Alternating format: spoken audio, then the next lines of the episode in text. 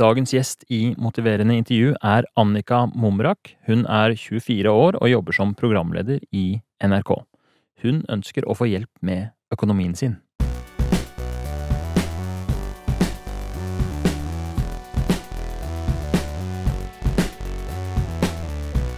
Hei og velkommen til en ny episode av Motiverende intervju. I dag har vi på besøk Annika. Velkommen. Tusen hjertelig takk.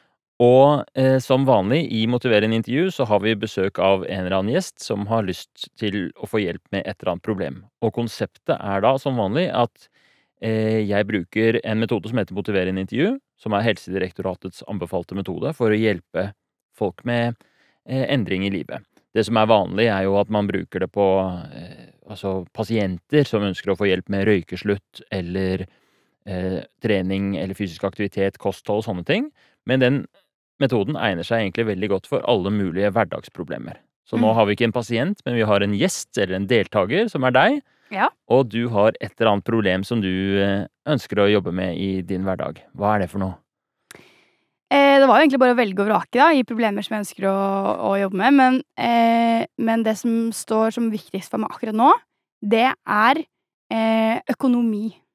Aha. Økonomi er eh, en slags hemsko i mitt liv, og det er noe jeg har lyst til å bli bedre på. Eh, så det handler rett og slett om eh, å bli flinkere på å bruke penger. Eller kanskje bli flinkere på å ikke bruke penger. Å bruke penger på, på de riktige tingene, da. Nemlig. Økonomi, kjempetema, veldig godt egnet for motiverende intervju. Det er jo noe som også mange i en sånn eh, pasientsituasjon Altså økonomi er så utrolig viktig for helsa vår. Mm. Så det er eh, absolutt noe som jeg syns er veldig spennende å se hvordan, hvordan det funker med motiverende intervjuøkonomi. Vi har ikke hatt særlig Vi har ikke hatt økonomi som problemstilling i podkasten før. Nei! Så det blir veldig spennende. Og da var det jo på tide, da. Det var på tide. Mhm. Definitivt på tide. Så em, fortell litt om eh, din situasjon, og med et lite blikk på liksom kanskje økonomien som hovedfokusområde. Eh, så, så tingene er det at ehm, jeg eh, jobber jo masse og, og har en vanlig lønn, men, men problemet mitt er at jeg ofte sitter og lurer på sånn Hvor er pengene mine? Jeg jobber jo og tjener penger. Hvor er de? Eh, så de forsvinner ut i alle disse slukene eh, som jeg Uten at jeg merker det, nesten. Eh, og så og så, når jeg da har lyst til å bruke penger på ting jeg, som er ordentlig viktig for meg, da, så har jeg ikke penger å bruke på det. Og det er et problem. Og så innser jeg jo da, når jeg, når jeg går litt i meg selv, at eh, pengene forsvinner jo ut veldig mange steder som er litt sånn unødvendig. Men jeg klarer ikke helt å, å stoppe å bruke penger på unødvendige ting. Det kan være for eksempel eh, eh, Foodora, eller å eh, ta taxi, bare fordi jeg er lat. Eh, og det syns jeg er litt kjedelig. Men selv om jeg syns det er kjedelig, så klarer jeg liksom ikke å bare stoppe med det. Eh, og så har jo dette eh, intensivert seg litt, eller den, den stressa følelsen, fordi at jeg har eh, eh, akkurat kjøpt meg leilighet. Som jeg skal flytte inn i neste uke. Og det er jo Leilighet koster jo en del penger. Så jeg innser at livet mitt fremover, når jeg skal gå fra å være en leietager til å eie en bolig og betale et lån, så kommer det til å, å endre litt på min økonomiske situasjon. Da. Jeg kommer sannsynligvis til å ha litt mindre penger, eller jeg kommer til å ha mindre penger å rutte med, eh, fordi det kommer til å koste meg mer. Og det stresser meg litt, fordi da, da skjønner jeg at ok, men jeg kan ikke fortsette å leve eh, sånn som jeg har gjort. For det kommer jeg ikke til å ha, eller da kommer jeg ikke til å ha penger til de ordentlig viktige tingene, da. Kjempebra. Altså, du eh, beskriver jo veldig fint det som jeg tror veldig mange kjenner seg igjen i, at økonomi består jo av en hel masse sånne vaner Mm. som kan være mer eller mindre fornuftige. For eksempel så kan du ha som vane at eh, du bestiller Fodora en gang iblant, eller flere ganger i uka. Og det som jo vi alle vet med vaner, er at det er ganske vanskelig å endre på vaner. Selv om man kan ha en idé om at det er bedre å gjøre et eller annet annerledes, så er det av en eller annen grunn veldig vanskelig å gjøre endringer. Og så sier du at du har nylig kjøpt deg leilighet, og det er kanskje det som har trigget en sånn behov for at nå må noe gjøres, på en måte. Mm. Eh, fordi nå får du en annen økonomisk situasjon enn du hadde før. Og jeg prøvde faktisk å, å endre meg. Mm. Eh, rett etter jeg kjøpte leiligheten, så fikk jeg liksom panikk. Ja. Eh, og i tillegg til at jeg kjøpte leilighet, sant, så har vi jo eh, eh, altså dagens økonomiske si- situasjon i, i verden også, på, på en måte, som, som gjør at alt blir dyrere. Eh, rentene stiger, høyere inflasjon, all, og mat blir dyr. Alt blir dyrere, ikke sant? Og det også stresser meg veldig. Ja. Så jeg, jeg eh, bestemte meg da for at jeg skulle bare endre meg helt totalt. Satte meg ned og lagde et vanvittig opplegg. Eh, lagde masse veldig strenge regler. Lagde budsjett. Jeg skulle leve på tror jeg det var 250 kroner dagen. Eh, og var bare sånn Nå skal jeg forandre livet mitt totalt. Og det varte i to dager. På tredje dagen så sprengte jeg budsjettet, og da ga jeg opp. Ja. Og etter det så har jeg ikke kikket på, på de skjemaene jeg lagde. Ja, men jeg syns det er så utrolig bra beskrivelse av en veldig typisk eh, måte som eh, vi mennesker angriper endring på. Så det som skjer, er at det kommer en et eller annet innfall, eller en eller annen sånn, noe som trigger det. Jeg, eh, du kjøpte leilighet, og så en motivasjon til å gjøre en endring. Og så eh, går du rett i gang med å eh, handle. Så du eh, lager deg regler og et budsjett og brukte sikkert ganske mye tid på det. Mm. Og så havna du i et eh, tilbakefall på dag tre, hvor du sprengte budsjettet, og så em, ga du opp, da. Ja. Det er, em, det er veldig gjenkjennbart og vanlig. Det er liksom, det er sånn de fleste nyttårsforsett forløper seg, uavhengig om det er økonomi, eller det er trening eller kosthold. Så er det den derre Nå må noe skje. Man gjør det med en gang, og så får man et tilbakefall. Ja. Mens de som har fulgt med på mm, motiverende intervju, vi veit at vi forholder oss til en sånn modell for endring, som jo er Det er ikke en del av motiverende intervju-teorien, men en annen modell som heter endringshjulet. Eller det er en sånn Det heter transteoretisk modell for endring av en forsker som heter Prochaska, eller det var en hel gjeng med forskere. Men det kom ca. samtidig som motiverende intervju og beskriver hvordan endring skjer. Og det skjer gjennom da, istedenfor de tre leddene som du gikk gjennom, da, en mm. føroverveielse. Jeg kan si litt mer om det etterpå, hva det var, men det var liksom Plutselig ble du innstilt på å gjøre en endring, og så gikk du til handlingsstadiet, Mm. og så gikk du til tilbakefallet. Mens i Prochaskas modell, endringshjulet, så er det flere steg. Så det er en overveielse som du har på en måte hoppet over, da. Og så er det en planlegging som du har hoppet litt over. Du drev jo og planla litt og satte Lagde deg noen systemer og sånt nå. Mm. Så den var du egentlig inne i. Og så var det handlingen. Og så kom tilbakefallet. Det er helt etter planen, liksom. Det er vanlig. Men så hoppet du også over vedlikehold, da. Og liksom Ja. fortsette selv om det kom et tilbakefall. Så nå i denne prosessen så skal vi guide deg gjennom alle de stegene, sånn at du får til en endring eh, som er eh, som er varig, da. Mm. Hvis du ønsker det. Ja. Det høres veldig bra ut. Jeg trenger jo åpenbart litt hjelp. Kan du si litt mer om Det tror jeg faktisk alle gjør. Altså, er, det er rart med hvordan vi mennesker er designet. Så har vi veldig mange ting som vi klarer helt automatisk. Altså Hvis jeg kaster noe til deg, så klarer din kropp å gjøre helt utrolige avanserte eh, ting for å ta imot det nøkkelknippet, eller hva det er. Ja. Eh, det krever enormt Altså, du, det er veldig vanskelig å få en robot til å få til det. Mm. Men eh, det som en datamaskin kan gjøre veldig lett, da, å, å gjennomføre en eller annen endring, det er vi mennesker utrolig bare dårlig wired for å gjøre. Så um, nå merker jeg det jeg snakker jeg har, Det er lenge siden jeg har spilt inn episode, så jeg hadde masse på hjertet, merka jeg. Ja, men så deilig! Ja, Det er veldig interessant for meg å, å høre på også. Ja, så bra.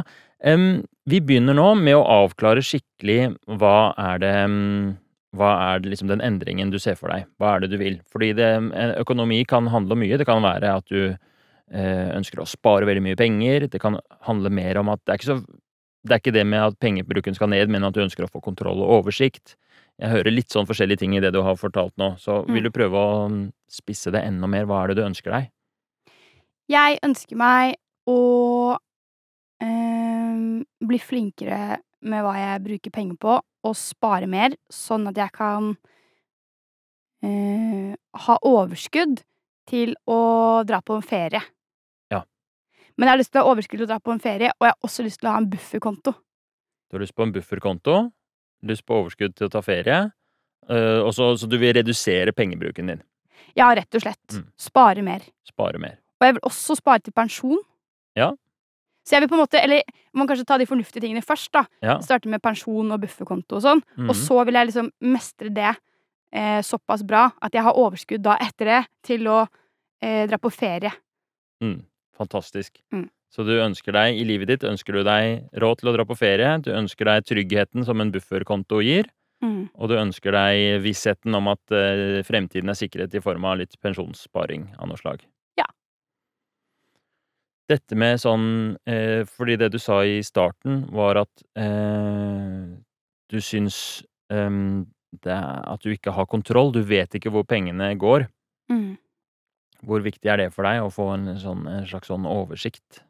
Ja, det tror jeg er ganske viktig. For jeg merker at med en gang jeg mister litt oversikt, så eh, så bruker jeg jo veldig mye mer. Mm. Men det er også fordi at jeg eh, i øyeblikket så kan jeg tenke at eh, jeg kan se en ting som jeg har lyst til å kjøpe, og så føles det veldig viktig for meg akkurat i det øyeblikket. Eh, og så tenker jeg at det har jeg jo penger til, jeg har jo fått lønn. Og så kjøper jeg det. Men så kommer det et nytt øyeblikk hvor det er en annen ting som dukker opp, som jeg også har lyst på. Men da har jeg allerede glemt den forrige tingen. Så da tenker jeg sånn Ah, men jeg har jo fått lønn. Jeg har jo penger å bruke på dette. Og så tenker jeg det hver gang, fordi jeg glemmer alt det andre jeg har brukt penger på. ikke sant? Jeg tenker at den ene tingen i et gitt øyeblikk er alltid på en måte det eneste jeg skal bruke penger på. Og det handler om at jeg ikke har oversikt over at jeg allerede har brukt mye penger. Ja, nemlig. Hvis du forstår. Jeg skjønner, så det med, du, det med å ha liksom kontroll og oversikt over hva du bruker penger på, det handler for deg mest om å, at det skal hjelpe deg å nå de målene som du sa først, liksom. Å bruke mindre penger og få til ferie, bufferkonto, pensjonssparing. Fordi hvis Ja. du har oversikten, så kanskje styrer det litt sånn Hjelper deg å holde unna litt sånn impulsive kjøp som du tenker egentlig ikke er så viktig for deg. Ja, og så merker jeg også, eh, når jeg ikke har oversikt, hvor fort det er å på en måte gi opp hele greia. Eh, og jeg har jo Jeg kjenner jo ofte på en følelse som jeg tror mange kjenner på, som er at jeg nesten ikke tør å gå inn i nettbanken. Fordi jeg syns Jeg orker på en måte ikke å se helt hvordan det står til der. Ja. Eh, og jeg vet ikke Jeg har ikke lyst til å Jeg har ikke lyst til å vite det, da. Eh, fordi at når jeg først mister oversikten, så tenker jeg bare sånn Nei, da gir jeg opp alt. Ja, du får en sånn angstfølelse for nettbanken og økonomien. At det blir sånn at du bare lukker øya og lar det stå til. Mm, rett og slett. Mm. Jeg tror jeg mange kjenner seg igjen i. Ja, jeg har hørt, jeg har hørt liksom Mm. mange av vennene mine også sier det samme. Mm. At de ikke tør å gå inn i nettbanken. Og, og så vi er nok mange som kjenner på akkurat den følelsen. Ålreit. Da tenkte jeg å ta deg med inn i ambivalensfirkanten. Fordi jeg syns jo allerede du virker jo veldig motivert til å gjøre noe med det. Mm. Um, men en viktig del av å motivere en intervju er at vi eh, utforsker den ambivalensen som er der. Så for, Foreløpig så har du snakket om alt du ønsker, og du ønsker å spare til bufferkonto. Men så har du også sagt at ofte så selv om du vil det, så får du det ikke til å gjennomføre. Altså du, du vil jo bruke mindre penger, det er veldig klart for deg. Men det går ut mye penger allikevel. Og ofte når det er sånn at man har eh, ikke, Det er ikke selvdestruktiv atferd, men litt sånn atferd som ikke passer helt med ikke, Det er ikke sammenheng mellom det du sier du ønsker deg, og atferden vår, så er det fordi det er en eller annen ambivalens. Det er noen motstridende tanker og følelser der som går litt i konflikt med hverandre, og veldig ofte så er de underbevisst. Underbevisst, det vil si at du ikke tenker på de aktivt her og nå, liksom. Du har kanskje ikke snakket om det eller tenkt på det på en stund, men de ligger der som, eh, som informasjon eller som tanker og følelser som ligger litt sånn bak, da. Mm. Eh, Så ved å stille da fire spørsmål om fordeler og ulemper, så jobben din nå er å bare snakke fritt, liksom, og, og, og prøve å lete. Eh, Og det er ikke så viktig Du trenger ikke tenke at det fins noe riktig eller galt svar, liksom. Nå skal vi bare ha mest mulig informasjon ut, da. Ok. Så da starter vi med å spørre om hva liksom Sånn som du har det nå, hva er fordelene med det? Fordelene med sånn som jeg har det nå, er at eh, jeg liker veldig godt det dopaminrush jeg får av å bruke penger på ting. Ja. Eh, som er eh, fine og bra. Og, og, og kunne på en måte ha frihet til å følge liksom, impulsene mine, da. At, for jeg kan ofte få liksom sånn at det tennes en slags ild i meg. Eh, senest sånn i går så kom jeg på bare sånn Egyptisk bomull, for eksempel. Det tror jeg er veldig mykt. Og, eh, og så ser jeg for meg sånn Åh, hvor bra hadde ikke livet mitt vært om jeg hadde hatt sengetøy i egyptisk bomull? Eh, det er jo litt, litt dyrt, fant jeg ut. Men da får jeg bare sånn Åh, shit! Jeg må bare gjøre den investeringen nå. Å, jeg må bare jeg må gjøre det nå! Og det kommer til å bli så bra. Eh, og jeg merker at hadde jeg, hadde jeg fulgt den impulsen, Nå gjorde jeg heldigvis ikke det i går, eh, men det bare Jeg har så lyst. Ja. Fordi det er så deilig. Så det er en veldig god følelse når du får Det var et kjempefint eksempel. du Det var en god følelse. Eh, du sier Du bruker ord som liksom, 'det er deilig'. Og det gir deg en sånn dopaminutskillelse av å kjøpe noe du får lyst på der og da. Så det er en ganske sånn sterk eh, drivkraft som kommer. Og det, du sier det kommer ganske sånn brått, da. Mm. Det, øh, det kan komme over deg, liksom. Jeg vil ha egyptisk bomullsengetøy. Jeg må ha det. Men så Mm. kjøpte du det ikke. Hvordan er det? Går det over da, eller sitter du fortsatt med trang til egyptisk bomull nå? Eh, Nei, jeg har fortsatt den trangen litt. Ja. Så jeg merker Så eh, men, men de gangene jeg liksom klarer å, å ikke følge den impulsen, så merker jeg jo at det kan jo gå over, for at det, det Trangen til egyptisk bomull, den skiftes ut eh, av et eller annet annet som jeg Som dukker Ja. opp, da. Um, men em, Men ja. Det er det det gir meg en veldig god følelse, da. Et slags rush. Mm. Ja, men eh, det gir veldig mening. Så det er en tydelig fordel med sånn som du har det nå, at du får på en måte tilfredsstilt den gode følelsen. Du får opplevd disse rushene av å kjøpe noe nytt Mm. eh, støtt og stadig. Mm. Har du andre eksempler på ting som har gitt deg en veldig god følelse av å kjøpe? Ja, det er jo En ting som er veldig viktig, er jo akkurat det her med liksom å leve et eh, lettvint liv. Eh, jeg syns det er veldig stress å måtte planlegge ting, og jeg er ofte sent ute og glemmer å gå på butikken og sånn. Så det gjør at de løsningene som eh, å kjøpe Foodora, eller å ta taxi, eh, eller eh, å gjøre sånne lettvinte løsninger, det er veldig deilig, for da slipper jeg å, å gå på butikken og tenke på hva jeg skal ha. Mm. Fordi jeg, jeg vet jo ikke hva jeg Jeg vet ikke hva jeg har lyst på til middag i kveld. Før i kveld. Og da er det veldig deilig å sitte hjemme og være dritsulten og bare kunne scrolle på Foodora, for da kan jeg kjenne til hva jeg vil ha i øyeblikket. Så det er, en sånn, det er jo sånne luksuser, da. Mm. At det er deilig å leve, leve med og unne seg sånne luksuser. Ja. Eh, Og det er en luksus du virkelig verdsetter, virker det som, da. Å kunne bare øh, slippe å tenke på middag i løpet av dagen eller i løpet av uka. Bare bestille Foodora når du er sulten. Ja, men jeg merker også at jeg kjenner jo mest på det i øyeblikket. Eh, men akkurat i øyeblikket så er det veldig deilig. Mm. Eh, så, så akkurat Foodora, ta taxi, eller ofte når jeg skal på eh, fester, det kan være liksom premierefester eller sånne type ting, så har jeg ofte ikke planlagt hva jeg skal ha på meg. Og da er det sånn typisk at jeg rett før eh, unner meg et skikkelig dyrt plagg. Fordi Ja. at jeg tenker ja, jeg har lyst til å være fin, ikke sant? så jeg bare kjøper denne eh, dyre skjorta her, eller denne dyre kjolen. Og så er det veldig deilig akkurat der og da, men jeg kanskje aldri bruker det igjen etterpå. ikke sant? Så det er på en måte de, de luksustingene. Ja. Det å si meg en deilig følelse. Det er en god, eh, god følelse. Det er lettvint, det er praktisk. Det er masse fordeler her. Og det er et eller annet med det som du Som, du, som det føles bra der, der og da. Mm. Um, kjempefint. Hvis du ser på andre siden av hva er ulempene med sånn du har det nå? Det er jo at jeg um, eh, kanskje blir litt litt lat. Eller sånn at jeg at jeg kunne kanskje planlagt litt bedre, og så kunne jeg droppet å ta taxi, på en måte. Eller jeg kunne ha gått på butikken. Eh, så jeg At jeg gjør det litt sånn At jeg nesten syr litt sånn puter under armene på meg selv. Eh, og så er det jo absolutt en ulempe sånn eh, at jeg kjøper For eksempel med klær, da. At jeg kjøper klær når jeg, e- at klær jeg egentlig ikke trenger. Og det er jo et veldig stort problem i verden i dag, er jo at vi kjøper for mye klær vi ikke trenger. Eh, så det er jo et problem, ikke bare for meg, men på en måte for hele verden.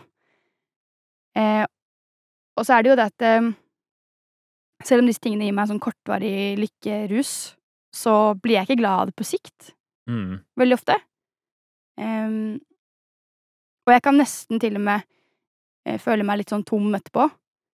Eh, at jeg kan sitte på nettet og kikke på klær og bestille masse greier hjem, og så får jeg et rush når jeg bestiller det hjem. Men idet klærne har kommet, så blir det litt sånn antiklimatisk følelse, fordi at det, det ga meg kanskje ikke den eh, Det gjorde meg kanskje ikke så lykkelig som jeg hadde Mm. sett for meg at det skulle gjøre, da. Det gjorde Ja. ikke livet mitt komplett, det heller, på en måte. Det fylte ikke, eller sånn, det, det fylte det tomrommet kun for en veldig kort stund, Ja. og så er på en måte Ja. Mm. Ja, det er eh, kjennetegnet med dopamin, det er i alle dets former, er at det, det er ikke en varig tilfredsstillelse, det er bare det er bare et eh, falskt løfte. Mm. Og så gjør det jo også at jeg ikke har penger til ting som jeg da plutselig innser at er ordentlig viktig, da. For eksempel nå hvor jeg skal flytte inn i ny leilighet, så kanskje jeg trenger å pusse opp den leiligheten. Eller sånn Det er kanskje en ting som jeg tenker er viktig for meg, at jeg har, kan ha det fint rundt meg, da. Mm. Ha det hyggelig hjemme. Eh, så jeg skal trives hjemme.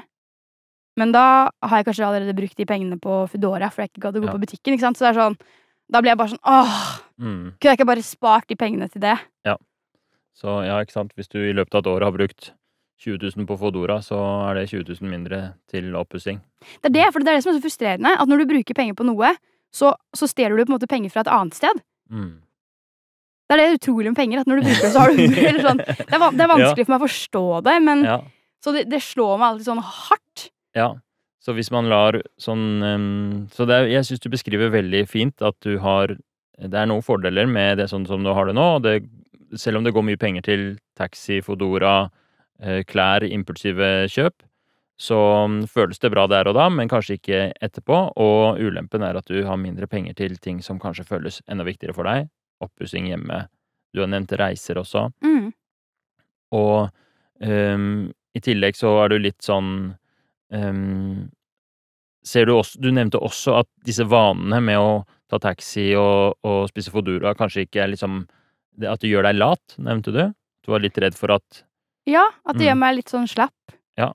Så et eller annet sånn, i hvert fall en liten ambivalens der. Det er både digg og praktisk og lettvint, men også litt sånn et eller annet der. Mm. Og så sa du også en liten eh, du, du har ikke lyst til å være en som bidrar til å kjøpe kjempemye klær, som er et sånt eh, miljøproblem, da. Mm. Det er veldig fint. Og dette er eksempelet. Det som er veldig viktig til å motivere en intervju, er at vi trenger ikke å løse denne ambivalensen. Den føles kanskje nå litt sånn, litt sånn Man blir, kan bli litt urolig av det, men det er bare fint. Mm. Så det skal være sånn at det både er fordeler og ulemper, og det er som et sånt um, um, Ja, som et litt sånn uløst puslespill, og vi skal bare tåle å la det være uløst foreløpig. Ok. Uh, så det er veldig bra. Vi kan gå over da til den andre siden. Hvis du får til en endring, sånn som du ser for deg, at du på en eller annen måte får en eller annen kontroll, du øh, Vi kommer jo tilbake til hvordan den endringen ser ut mer konkret og praktisk, men du bruker litt mindre penger i hverdagen, får litt mer råd, klarer å spare til de fornuftige tingene som du nevnte. Mm. Eh, hva ville vært ehm, Vi begynner med hva ville vært ulempene med det?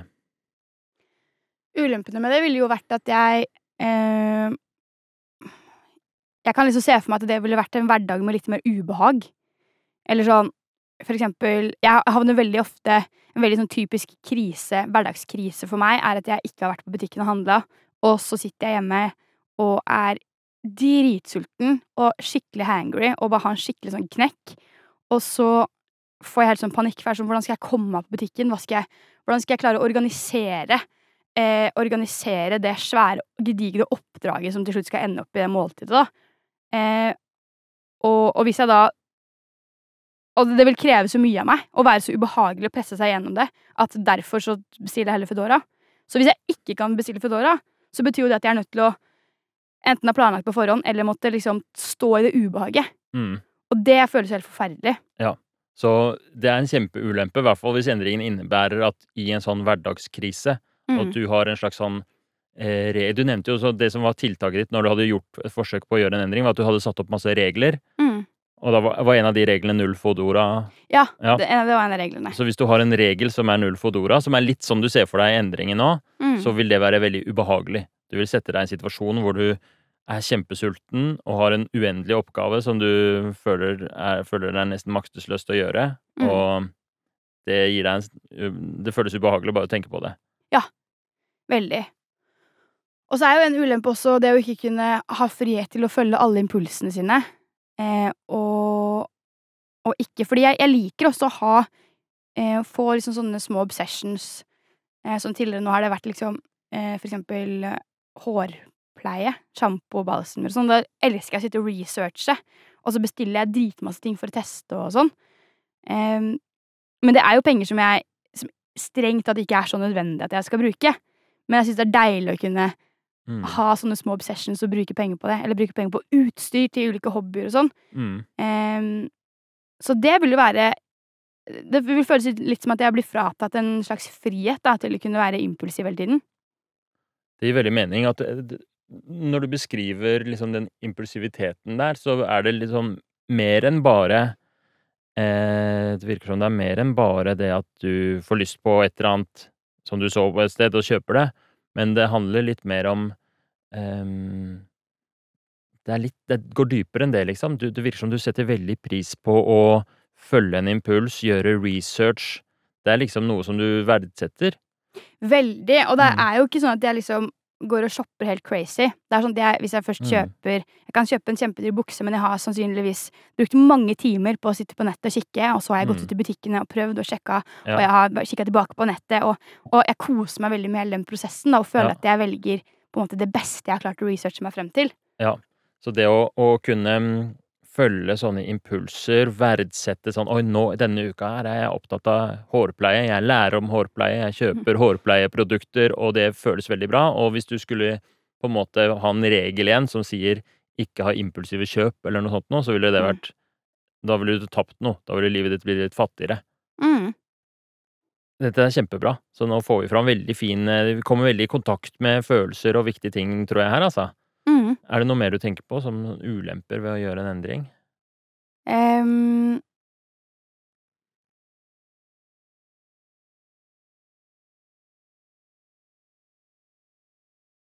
ulemper med å gjøre en endring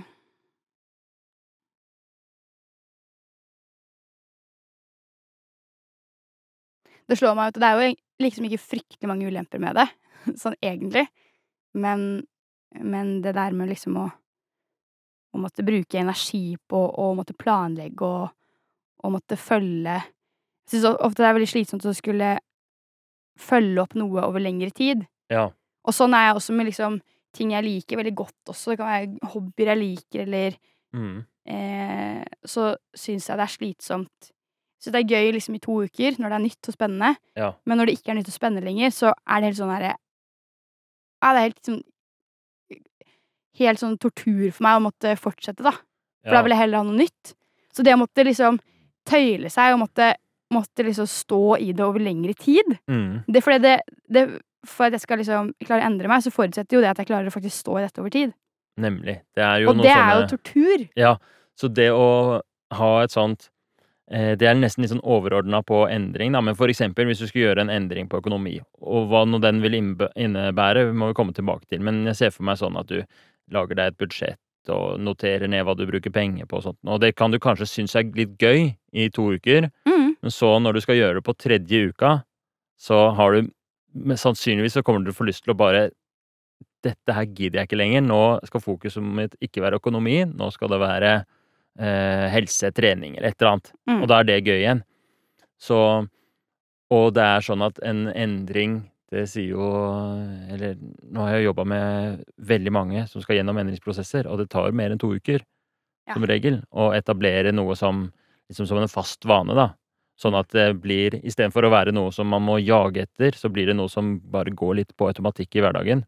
Ja. Noe som er en del av din identitet. Du bare har blitt en som har ganske god kontroll på økonomien, og bare, uten å tenke så mye over det, tar eh, valg som passer litt mer, mer med sånn som du egentlig vil ha det når det kommer til å kjøpe, kjøpe ting og bruke penger. Mm. Det krever nok litt mer enn to uker, da. Så det gruer du deg til, det der øyeblikket når det ikke er gøy og spennende og nytt lenger, dette og Mm. Kjempefint. Du beskriver liksom noen ulemper med endring her, som altså Vi har det der med eh, Livet kan bli mer ubehagelig og rigid og vanskelig eh, hvis du må forholde deg til veldig strenge regler. Em, livet ditt kan bli fattigere hvis du må gi slipp på liksom sine impulsive interessefelter som dukker opp, liksom. Mm. Og eh, hvis du må holde på med en vanskelig endring over lengre tid, så er det noe som du tenker på som helt ulidelig å drive og holde ut lenge. Ja. Knallbra. Ok, hva, for at Det kan jo hende at man kan eh, kompensere for disse ulempene og finne måter å liksom komme seg forbi de. Det, her er, det her er sånne hindringer som vi må uh, huske på å forholde oss til når vi skal lage en endringsplan. Mm. Men um, hvis Altså, det må jo være en grunn til å gjøre det i så fall, da. Hva er fordelene med å få til en endring? Fordelene er jo at jeg um, også Fordelen er jo at jeg kanskje aller viktigst kan få en slags trygghet. Fordi det er jo en veldig viktig trygghet i det å eh, for eksempel ha, kunne ha en bufferkonto og kunne spare til pensjon, og kunne ha råd til å betale liksom ha alle forsikringer som man burde ha. Så på en måte det i bunnen. Eh, fordi det stresser meg litt at ikke jeg sparer Jeg jobber jo frilans, eller sånn Jeg er selvstendig næringsdrivende, og da er du på en måte ansvarlig for de tingene der selv. Og hvis ikke du tar ansvar selv, så kanskje du sitter der og eh, så, så, det er på en måte helt grunnleggende. Eh, trygghet. Og så eh, også en slags Jeg vil jo også få en større frihet.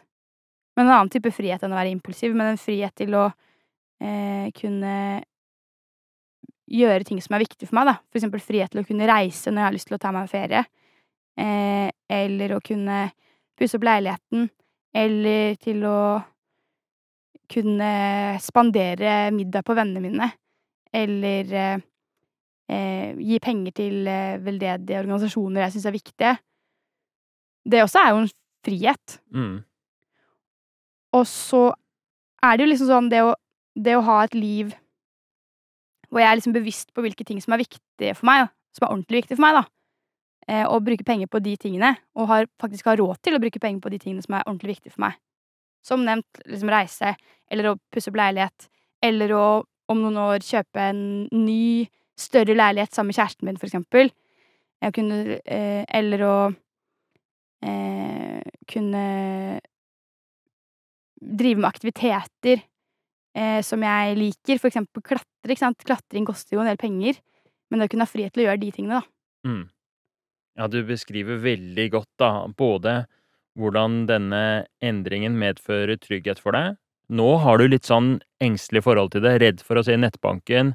Mm. Um, hva skjer hvis, når jeg kjøper leilighet? Hva hvis det går tomt? Sånne type ting. Mm. Og ha en sånn trygghet på at du har en bufferkonto, du har uh, Pensjonen er i boks. Når du blir 70 år, så trenger ikke du å jobbe mer, og du kommer til å ha det greit, liksom. Mm. Den tryggheten der er litt viktig for deg. Mm. Og så er det samtidig viktig for deg med en frihet. At du kan um, friheten til å leve sånn som du syns er riktig og viktig. Og klatre, reise gi veldedighet til det du syns er viktig. Kjøpe en leilighet sammen med kjæresten din. Så um, Og så tenker jeg også en veldig viktig ting er jo også eh, det også hvis jeg blir flinkere med penger, så vil det også gjøre at jeg kanskje kan jobbe mindre. Fordi jeg eh, jeg velger jo liksom ofte hvilke jobber jeg har lyst til å si ja til og ikke, og liksom, men, men på en måte jo mer overskudd eller jo mer kontroll jeg føler jeg har, og jo flinkere jeg blir på å disponere pengene mine, eh, så kan jeg kanskje tenke at jeg ikke trenger å liksom gjøre så mye jobb. Jeg kan ha mer fritid eller mer tid til å være sammen med venner, eller eh, Det er jo på en måte på sikt, da. Hvis jeg skal se på en måte livet som en sånn eh, Altså sånn Det er jo en luksus å kunne ha frihet til å å velge å jobbe mindre og ha mer fritid. Men det er på en måte oppnåelig hvis jeg kan være litt streng med meg selv også. mm. Hvis du skjønner hva jeg mener? Ja. Så gjennom å være litt um, litt målretta, litt gjennomtenkt, litt sånn disiplinert i denne prosessen her, så vil du få frihet til å, til å ikke jobbe så mye som du vil, og også til å gjøre de tingene som du vil i livet. Mm. Det er viktig for deg. Det er viktig for meg. Dette er kjempe, kjempebra. Hvordan syns du det var å gå gjennom disse fire spørsmålene i ambivalensfirkanten? Eh, jeg syns det var fint. Det er jo interessant å, å se liksom hvor, hvor Som du sier, liksom hvor mye motstridende følelser jeg faktisk har, da. Mm. Men, men det er jo også tydelig for meg at det er helt klart flest fordeler ved det å endre seg. Ja. Det blir jo òg tydelig for meg. Så, så, det gjør meg jo også kanskje enda mer motivert, egentlig. Ja. Det er greit å få liksom litt oversikt over det også. Mm. Ja, men det tror jeg er veldig viktig, og det tror jeg de fleste som går gjennom denne eh, øvelsen med å utforske ambivalens, de føler akkurat det at ok, det er, man blir minnet litt på at ok, det er viktig for meg, mm. men så ser man også sånn at ok, det er jammen ikke så rart at det ikke har vært så lett foreløpig, da, for det er noen ganske sterke drivkrefter. Altså, det gir fullstendig mening at når man er sliten på slutten av dagen på jobb og har en sånn matvarekrise, mm. at man kjøper Fodora da, og at de vanene etablerer seg, er liksom helt eh, åpenbart, på en måte. Det ville vært rart hvis ikke. Mm. Sånn er det for kjempemange. Og og det er viktig å ha med seg. Så hvis vi skal få til en endring, så må vi liksom ta hensyn til at de tingene sitter litt sterkt, og at det er en um, en del av deg, sånn som Altså, jeg ser på alle mennesker at vi er en eh, vi, vi kan man, man kan se på et menneske som en elefant og en rytter som sitter oppå. Har jeg fortalt dette der før? Nei. Nei, det er et sånt nydelig bilde som jeg har fra en bok som heter The Happiness Hypothesis av Jonathan Haight, som jeg leser en gang iblant. Det leser jeg på nytt akkurat nå, og jeg syns det bildet er så fantastisk bra. Eh, mennesket er som en eh, rytter på en elefant, og vi er begge to, på en måte. Elefanten representerer alle de underbevisste følelsene og frykt og drivkraft og sånt noe. Eh, litt sånn mange av de tingene som vi har med oss fra tidligere i evolusjonen, mens rytteren representerer liksom den delen av oss som har et språk, og som har bevisst tankegang og sånt noe. Den logiske.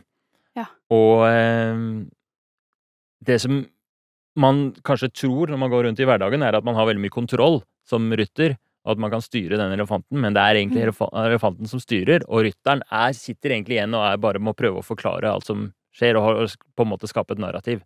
Så hvis vi skal få til en endring, så må vi må vi på en måte den, Det kan ikke bare være rytteren som får sitt i den endringa. Vi kan ikke bare få til at eh, Det kan ikke bare være bufferkonto og pensjonssparing, men Mm. elefanten må også trygges på at det skal ikke være eh, Altså alle disse ulempene som vi har med her, må liksom høres, da. Ja. Gir det mening? Ja, det gir mening. Det var et veldig fint bilde. Så en ting som jeg liker, og vi, vi har jo brukt ganske lang tid nå, så en ting som jeg liker å runde litt av denne delen, det er å stille sånne skaleringsspørsmål. Så det første spørsmålet jeg spør deg da, er på en skala fra én til ti. Hvor viktig er det for deg å få gjennomført en endring her nå? Det er eh, veldig viktig. Så det er jo kanskje Fordi det er jo helt sånn grunnleggende ting. Det at jeg må liksom klare å betale lån og betale skatten min og betale sånn ja, det, er kanskje så viktig som helt opp til liksom ni-ti, Ja. til og med. Du sitter ikke Du kunne jo sagt sju eller seks, men hvorfor gjør du ikke det?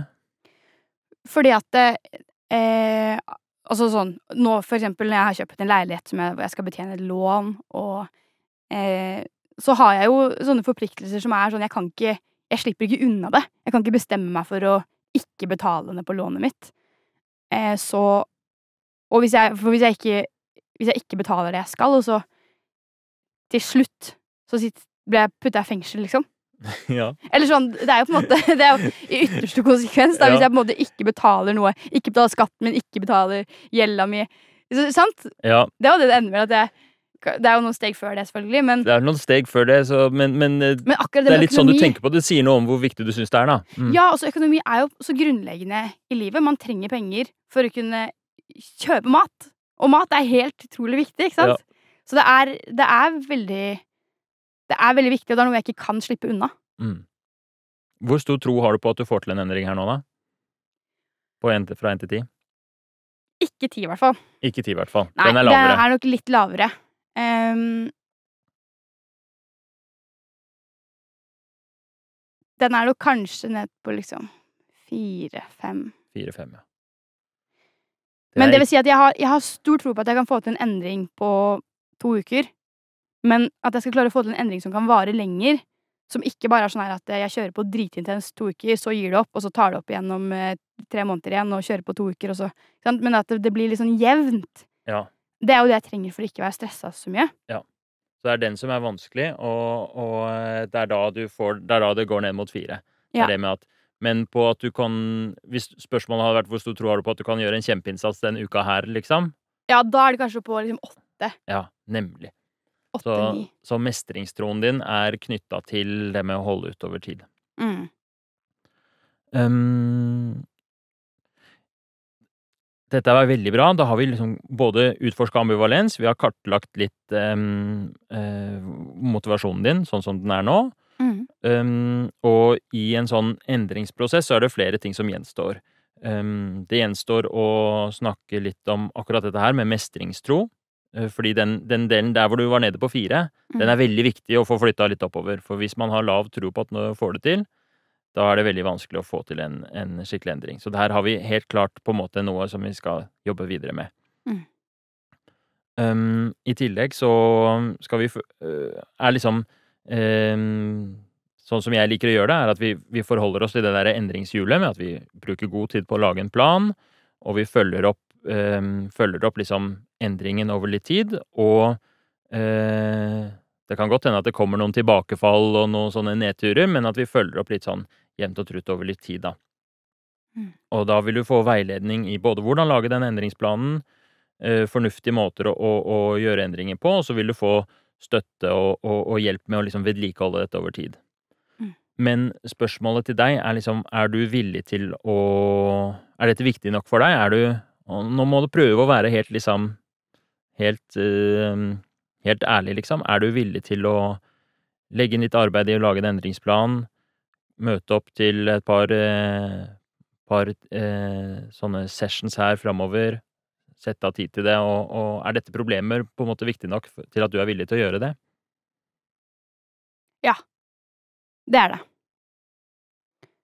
Det er eh, Ja, det er det egentlig ikke noe tvil om. Det er på en måte Det er, det er jo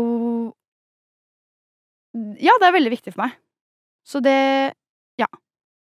Svaret er ja. Svaret er ja. Svaret er ja, Selv om det vil kanskje innebære at du eh, ja, må, må, må forholde deg til liksom økonomi og sånt noe selv etter den toukersperioden hvor det har vært veldig spennende. mm. Og du må kanskje mm, leke litt med hvordan du forholder deg til Fodora, taxi.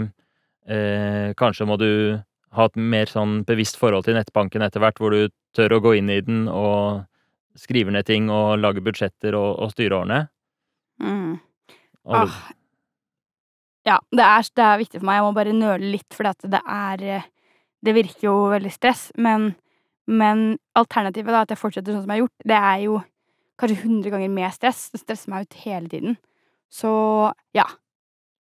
Hvis jeg er villig til å utsette meg for det stresset jeg har utsatt meg selv for, så er jeg villig til å utsette meg for dette lille stresset. Ja, men det er, det er kjempebra. Eh, jeg har veldig trua på det, dette, og, og um, det som er et sånn veldig viktig prinsipp for motiverende intervju, som kanskje noen av gjestene syns er litt irriterende noen ganger, det er at vi prøver å være litt langsomme i en sånn endringsprosess. For okay. ofte er det at eh, Det har jeg merka på deg allerede, da, når du beskrev den der forsøket du hadde gjort tidligere, at du gjorde veldig mye på et par dager og lagde deg et kjempestrengt budsjett på 250 kroner dagen. Mm. Em, og du har jo vist meg også hvordan de så ut. Intrikate tabeller og budsjetter og sånt nå. Ja. Så det er jo fantastisk.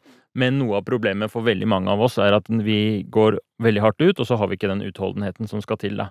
Og at um, det er et sånt stikkord som jeg bruker, som er omvei til endring. At vi tar en liten omvei. Vi bruker litt god tid på liksom Typisk sånn denne samtalen her, da. Så mange kan tenke hvorfor kan du ikke bare sette i gang, lage et budsjett, liksom. Mm. Mens nå har vi brukt en time på å snakke om uh, følelser og tanker knytta til det. Men det er en veldig viktig del av å motivere en intervju. Og det kommer til å hjelpe deg masse. Så jeg tenker at det som blir planen nå, er at um, vi tar en ny samtale om to uker. Mm.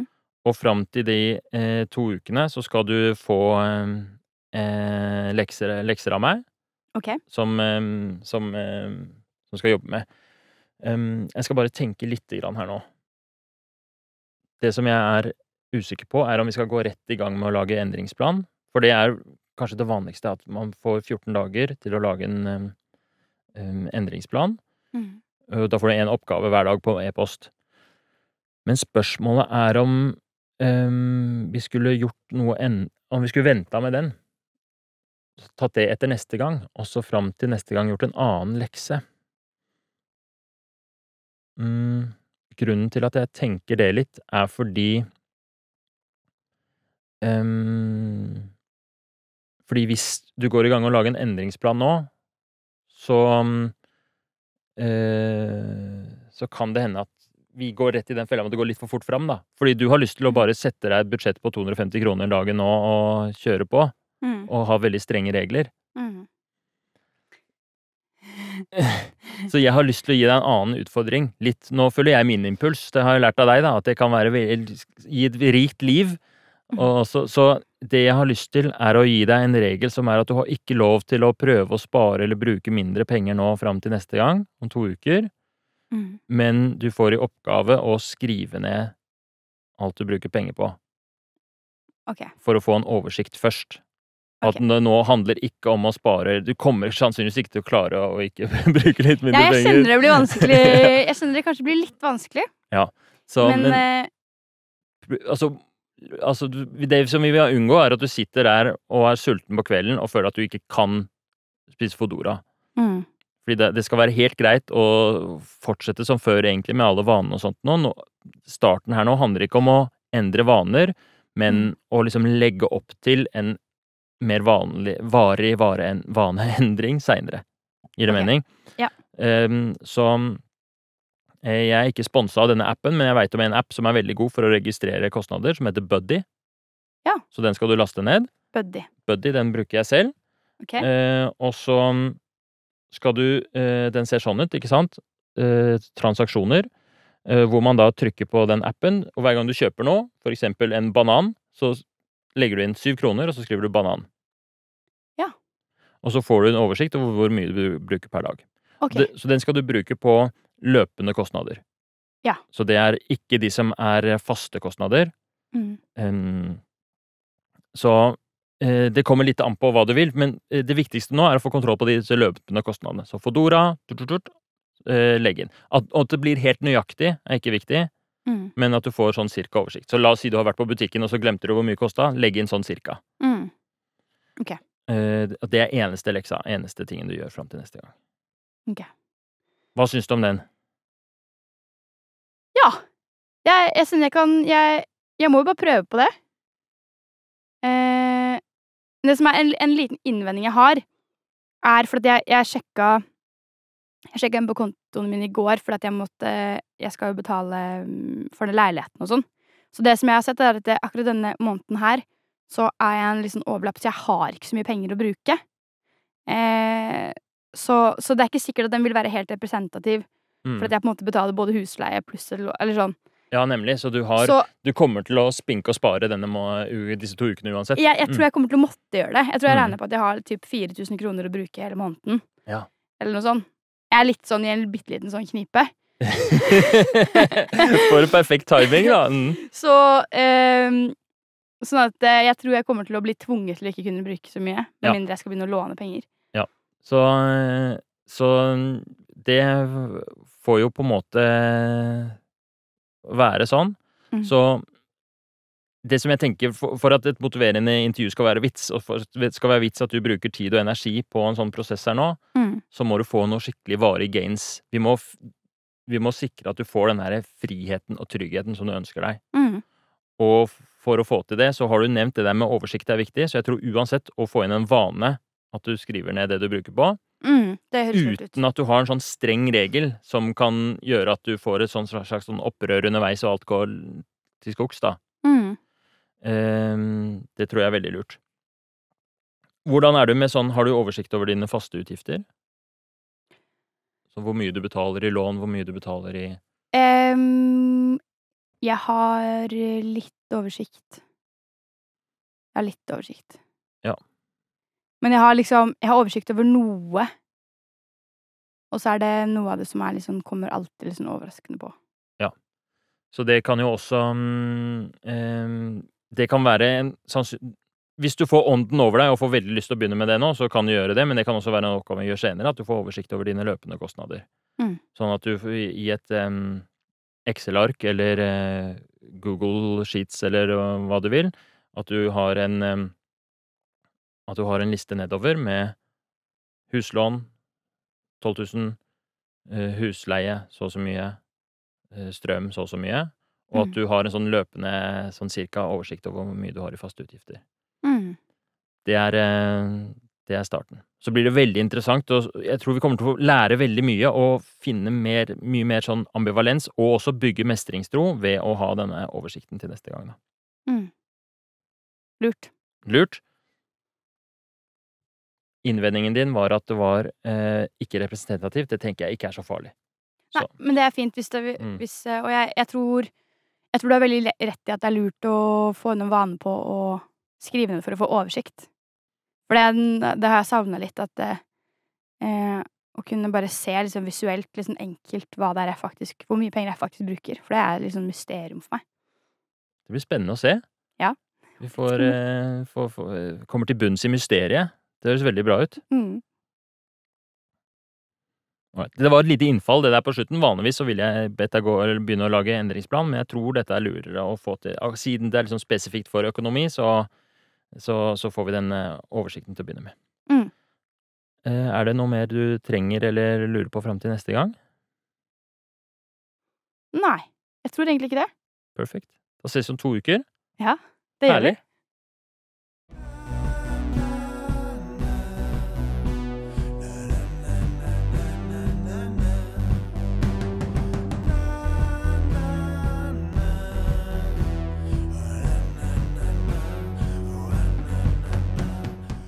Det var første episode nå med Annika. Jeg er veldig glad for å ha økonomi som tema i Motiverende intervju, endelig. Økonomi er en så viktig del av livet og helsa til oss mennesker, og jeg tror det er en undervurdert eh, del av eh, helsa vår, altså særlig med tanke på hvordan vi eh, helsepersonell burde følge opp pasientene våre. Fordi som lege så har vi lært veldig mye om symptomer og om eh, viktigheten av å spørre om eh, hvordan eh, hvor det gjør vondt, og hvordan eh, eh, fargen på urinen er, men vi har lite trening i å snakke om og spørre om økonomi. Selv om vi vet så mye om sammenhengene mellom eh, menneskers økonomi og deres helse og helseutsikter. Det er en helt lineær eh, sammenheng mellom en persons sosioøkonomiske status, som består både av eh, hovedsakelig av inntekt og utdanning, de to tingene, og eh, overlevelse. Og hvor lenge, hvor lenge man lever. Så kjempefint at vi får muligheten nå til å utforske, liksom, hvordan motiverende intervju kan anvendes på økonomiske problemstillinger. Jeg tror kanskje nøkkelen til å forstå hvordan man skal jobbe med, med eh, økonomi, er å innse at eh, økonomi, pengebruk, for et vanlig menneske, det er ikke en matematisk problemstilling, det er en psykologisk problemstilling. Så man kan være så fornuftig man bare vil, og kan, man kan vite alt om hvor lurt det er med bufferkonto, hvilke type sparing som gir best avkastning over tid, men det spiller ingen rolle hvis man ikke har med seg det psykologiske perspektivet. Fordi pengebruk, økonomi, sparing, dette her er eh, Dette er vaner som underkaster seg akkurat de samme reglene som alle andre vaner. Økonomi har så mye til felles med andre aspekter ved helse, som for eksempel trening og kosthold. Det vi gjør i hverdagen, det styres i stor grad av vanene våre, og det styres av våre underbevisste drivkrefter. Så det jeg nevnte for Annika i intervjuet, var dette bildet med elefanten og rytteren, som jeg syns er veldig godt, som sier noe om at vi er eh, en sammensatt skapning som har masse forskjellige drivkrefter, impulser, tanker og følelser som drar oss i alle mulige retninger, som både drar oss i en retning hvor vi ønsker å ha kontroll på økonomien, vi ønsker å ha bufferkonto, vi ønsker å ha pensjonssparing, men vi har også sterke drivkrefter som ikke kan utstå å sitte i sofaen en kveld etter en lang arbeidsdag og planlegge en handleliste når vi har Fodora rett for nesa på oss. Så jeg gleder meg veldig til å hjelpe Annika gjennom en endringsprosess, og vi skal bruke akkurat de samme metodene som vi bruker ellers. Vi skal forholde oss til eh, endring som et langsiktig prosjekt. Vi skal tenke omvei til endring, ikke snarvei, ved å på en måte følge alle stegene i endringshjulene ved å bruke god tid på å overveie er dette en god idé, ved å bruke god tid på å planlegge endringen, ved å være nøye og grundige når vi gjennomfører endringen, og følge opp både med tanke på tilbakefall og vedlikehold, så kommer vi til å ha kommer til å lykkes med å hjelpe Annika å få kontroll på økonomien sin og få spart til det hun ønsker. Jeg syns hun sier så mye fornuftig av eh, som jeg tror vi alle kan lære noe av når det kommer til økonomi. At økonomi handler om eh, Det handler om å leve i tråd med det som er viktig for seg, og på en måte følge verdiene sine. Hva er viktig for meg? Er det å ha det veldig lettvint, eller er det å, å ha råd til å gjøre de tingene som jeg er opptatt av med de jeg er glad i? Klatre og reise og pusse opp leilighet. Og, eh, og det er eh, lettere sagt enn gjort, men, eh, men det skal vi få til. Når det kommer til um, på slutten av episoden så la dere merke til at jeg fikk sånn Egentlig så var planen hele veien at nå skal vi Nå skulle Annika få i lekse og gjøre endringsplan fram til neste gang, men jeg fikk en sterk følelse av at At det er veldig mye å lære her om forbruket ved å gjøre en sånn der en, en sånn skikkelig gjennomgang av hva hun bruker penger på, før vi går i gang med å, å, å begynne på en endring. At vi gjør en større sånn eh, kartlegging først. Så det er hensikten med at eh, hun gikk i gang med å og skal gå i gang med å, å skrive ned hva hun bruker penger på. Det er litt samme som hvis man skal gjøre endringer i kostholdet sitt òg, så har jeg veldig trua på det at man gjør en skikkelig kartlegging av hva er det man bruker penger på, nei, hva er det man spiser, og, og, og skriver ned alt sammen. Fordi det er så fort gjort at man gjør en endring på et litt vaklende fundament, hvor man ikke helt har oversikt over situasjonen. Så det tror jeg vi kan eh, lære mye av. Og det også går under det samme prinsippet, ikke forhaste seg til endring. For med en gang vi sier sånn, ok, hvis, jeg, hvis vi hadde avslutta nå med eh, sett, eh, i gang og lage en endringsplan, så hadde kanskje vi møtt på noen eh, møtt på noen barrierer som var litt for tidlig å overkomme. Eller enda verre, hvis vi hadde sett i gang med nå skal du få budsjett på 300 kroner dagen, eh, sett i gang, bare gjør det, så mm, hadde vi jo vært eh, dømt til å mislykkes. Hvis du der hjemme har lyst til å være med Annika på denne reisen, og har lyst til å gjøre endringer i din egen økonomi, så anbefaler jeg jo det å kanskje gjøre dette til et eh, prosjekt hvor du kan eh, være med. Og da vil jeg starte med å prøve å skrive ned litt sånn fordeler og ulemper med å gjøre en endring for deg selv. Hva er viktig for deg? hva er viktig for deg å bruke penger på, og hva er det som du tenker at du kanskje vil bruke mindre penger på? Og så kan du gjerne da fram til neste episode gå i gang med å skrive ned eh, hva du bruker penger på i dine løpende utgifter. Og det som er den store utfordringa da, jeg har gjort det selv, det er veldig vanskelig å ikke bli veldig ivrig etter å spare. Altså bare det ved at man måler, det kommer Annika til å merke nå, er veldig styrende for atferden. Så det er en annen grunn til at det er veldig nyttig å gjøre, er at man, det blir veldig motiverende, og du får en du får en veldig sånn følelse av at åh, nei, men jeg vil ikke ta den Fodora nå, fordi da må jeg skrive inn minus 300 kroner i, i, i appen, liksom. Så, så men, men, nøkkelen til å få dette til å, å, bli en varig vane, er nettopp det å frigjøre seg litt fra den behovet for å være kjempeflink, men heller prøve å, å, å bare notere ned, uansett om man bruker mye eller lite. Og så skal vi eh, etter neste episode komme i gang med å kanskje gjøre noen tiltak og begynne på en endringsplan. Hvis du allerede er klar til å eh, gjøre en endring og begynne å skrive endringsplan, så er den malen for endringsplan tilgjengelig fra nettsida mi, hermanegenberg.com. Der kan du også melde deg på 14 dagers e-postkurs. Det er helt gratis, hvor du får en e-post hver dag og får veiledning da til å skrive ned eh, skrive endringsplan punkt for punkt. Og når du er ferdig med det 14 dagers kurset, så er du da klar til å gå i gang, sette deg mål og gjøre endringen. Og det er en mye bedre måte å gjøre endringer på enn å bruke den innfallsmetoden hvor man hopper over steg og har stor sjanse for å ikke få til varig endring, bare heller få frustrasjon, få seg tillært hjelpeløshet og få eh, nedsatt mestringstro. Mye bedre å ta seg god tid. Omvei til endring, folkens! Lag endringsplan først, så, eh, så går du i gang. Ok, takk for i dag. Takk til alle som hørte på. Ha en fin dag videre.